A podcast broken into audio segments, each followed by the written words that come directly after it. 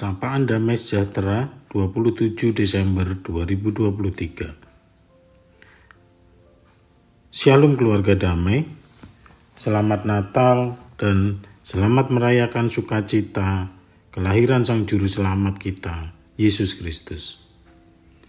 Mari kita memuji nama Tuhan dan bersyukur kalau kita masih bisa merayakan sukacita Natal di tahun ini bersama dengan keluarga maupun saudara-saudara seiman di sekitar kita. Sama pagi ini akan mengulas tentang momen berbagi sukacita Natal. Namun sebelumnya, mari kita buka dengan doa. Tuhan kami mengucap syukur atas kelahiran Yesus putramu yang tunggal di dunia ini. Kami merayakannya dengan penuh sukacita atas kehadiranmu sebagai manusia. Kami mohon hikmat dan bimbinganmu untuk mengerti makna sukacita yang benar itu, bukan hanya sebagai peringatan dan perayaan belaka. Dalam nama Yesus kami berdoa. Amin. Keluarga damai yang kekasih di dalam Tuhan. Bagi setiap orang Kristen, hari Natal merupakan hari yang ditunggu-tunggu oleh banyak orang, terutama anak-anak yang menjadikan Natal identik dengan perayaan, baju baru, hadiah-hadiah yang mewah, makanan enak, dan bertemu dengan saudara-saudara dari keluarga besar. Sedangkan di zaman sekarang, Natal dijadikan kesempatan untuk meraih pemasukan yang lebih bagi dunia bisnis seperti pusat perbelanjaan, kuliner, travel, hotel, maupun tempat wisata. Semua menghias diri dengan pernik-pernik Natal, ditambah dengan iming-iming sale untuk menggait pembeli membelanjakan lebih banyak uangnya. Natal telah menjelma menjadi kegembiraan dan kemewahan duniawi. Bagaimana dengan sukacita Natal bagi kita? Apakah menjadi bagian dari semuanya itu?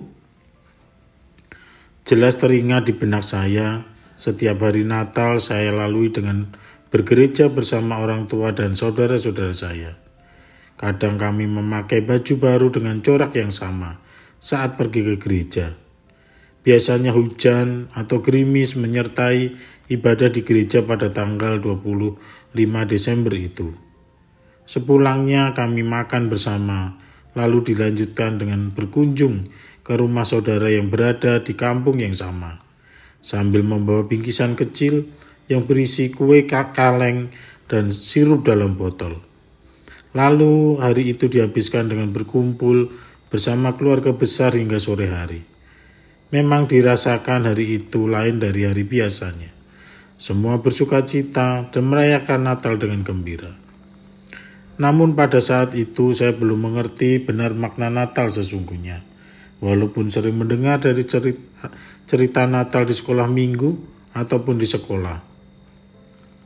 Warga damai yang terkasih, di dalam kitab suci, sebagian cerita Natal tentang kelahiran bayi Yesus dapat kita baca dari Injil Lukas pasal 2 ayat 10 hingga 12 yang berbunyi demikian. Lalu kata malaikat itu kepada mereka, Jangan takut, sebab sesungguhnya aku memberitakan kepadamu kesukaan besar untuk seluruh bangsa. Hari ini telah lahir bagimu Juru Selamat, yaitu Kristus, Tuhan di kota Daud. Dan inilah tandanya bagimu. Kamu akan menjumpai seorang bayi, dibungkus lampin, dan terbaring di dalam palungan. Firman Tuhan ini menunjukkan bahwa kelahiran bayi Yesus menjadi manusia jauh dari suasana kemewahan dan kemeriahan. Bahkan sebaliknya, kelahirannya penuh kesederhanaan, mungkin dapat dipandang hina oleh banyak orang. Seorang bayi yang lahir dibungkus kain lampin dan terbaring di palungan. Di sisi lain ada ancaman dari penguasa yang takut kehilangan kekuasaannya atas kelahiran bayi Yesus di kota Daud itu. Raja itu meminta para gembala untuk menunjukkan jalan di mana bisa bertemu dengan bayi Yesus namun didasari dengan niat yang jahat. Maka hikmat Tuhan memenuhi para gembala, sehingga mereka mengambil jalan lain untuk menyelamatkan keberadaan Yesus. Keilahian kelahiran Yesus juga ditandai oleh pujian dari malaikat dan sejumlah besar bala tentara surga yang memuji Allah. Kemuliaan bagi Allah di tempat yang maha tinggi dan damai sejahtera di bumi di antara manusia yang berkenan kepadanya. Ayat 13 dan 14. Jemaat damai, jika kita cermati kedua peristiwa di atas, realitas sukacita Natal dalam hidup orang Kristen dan orang-orang pada umumnya dibandingkan yang, yang tertulis di Alkitab, sangatlah kontras nuansa dan maknanya. Tidaklah salah jika kita orang-orang Kristen merayakan Natal dengan penuh kemeriahan dan kegembiraan. Namun yang terlebih penting apakah kita masih memahami makna sebenarnya apa itu sukacita Natal yang paling hakiki. Dalam ayat 10 dan 11 menceritakan bahwa kabar kesukaan besar untuk seluruh bangsa bahwa telah lahir Yesus Kristus Tuhan sebagai juru selamat di dunia ini.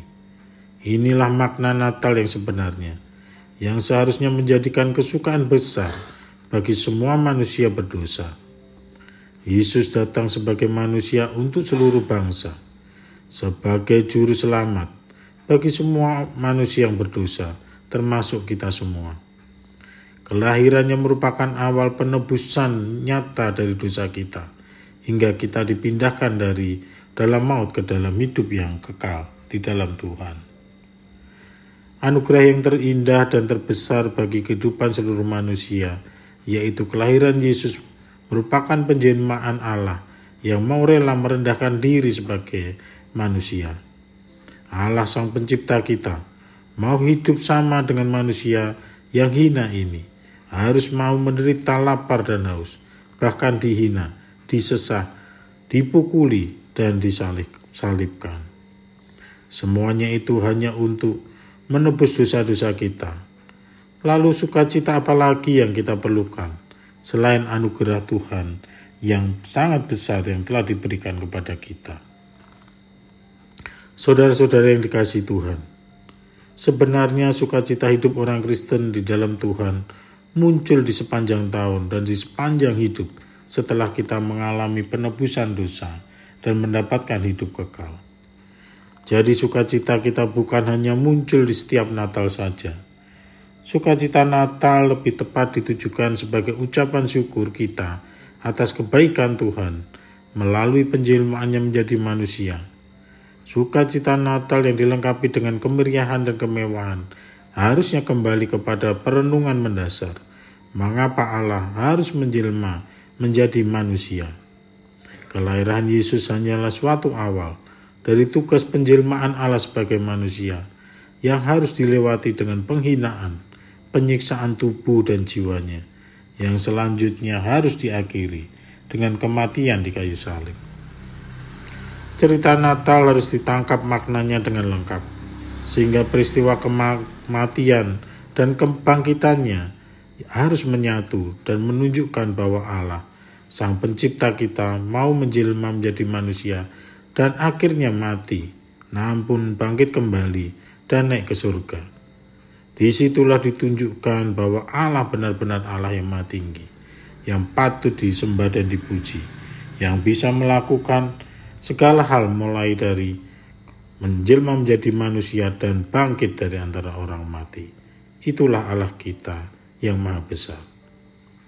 Saudara-saudara yang dikasih Tuhan, karenanya kasih dan anugerah Tuhan yang begitu besar lewat penebusan darah Yesus yang telah mati di kayu salib untuk menebus dosa umat manusia, termasuk saya dan Anda Sangat disayangkan apabila kita hanya merayakan Natal dengan makna yang kabur.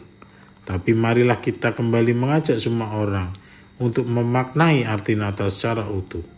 Dan yang lebih penting adalah menceritakan kebenaran Natal sebagai awal penebusan dosa manusia oleh Allah kepada Yesus Kristus kepada setiap orang untuk bisa lebih mendengar Injil tentang penebusan keselamatan dari Tuhan.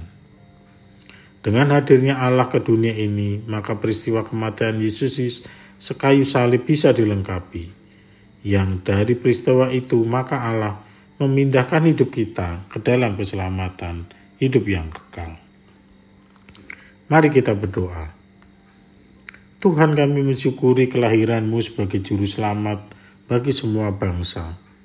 Ajar kami memaknai kelahiranmu dengan benar, sehingga kami tetap mengingat kedatanganmu ke dunia secara utuh bukan saja peristiwa Natal yang harus dirayakan tanpa makna yang benar.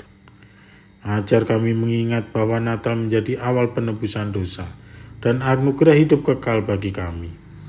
Engkau Allah sebagai manusia harus melalui sengsara untuk menyelamatkan kami. Sungguh besar yang kau berikan kepada kami. Ajar kami mensyukurinya di setiap hidup kami sesehari. Terima kasih Tuhan. Dalam nama Yesus kami berdoa. Amin. Selamat merayakan makna Natal dengan makna kedatangan Yesus sebagai juru selamat lebih daripada perayaan dan kemeriahan. Tunjukkan sukacitamu setiap saat sebagai ucapan syukur atas keselamatan yang dia beri. Tuhan Yesus memberkati.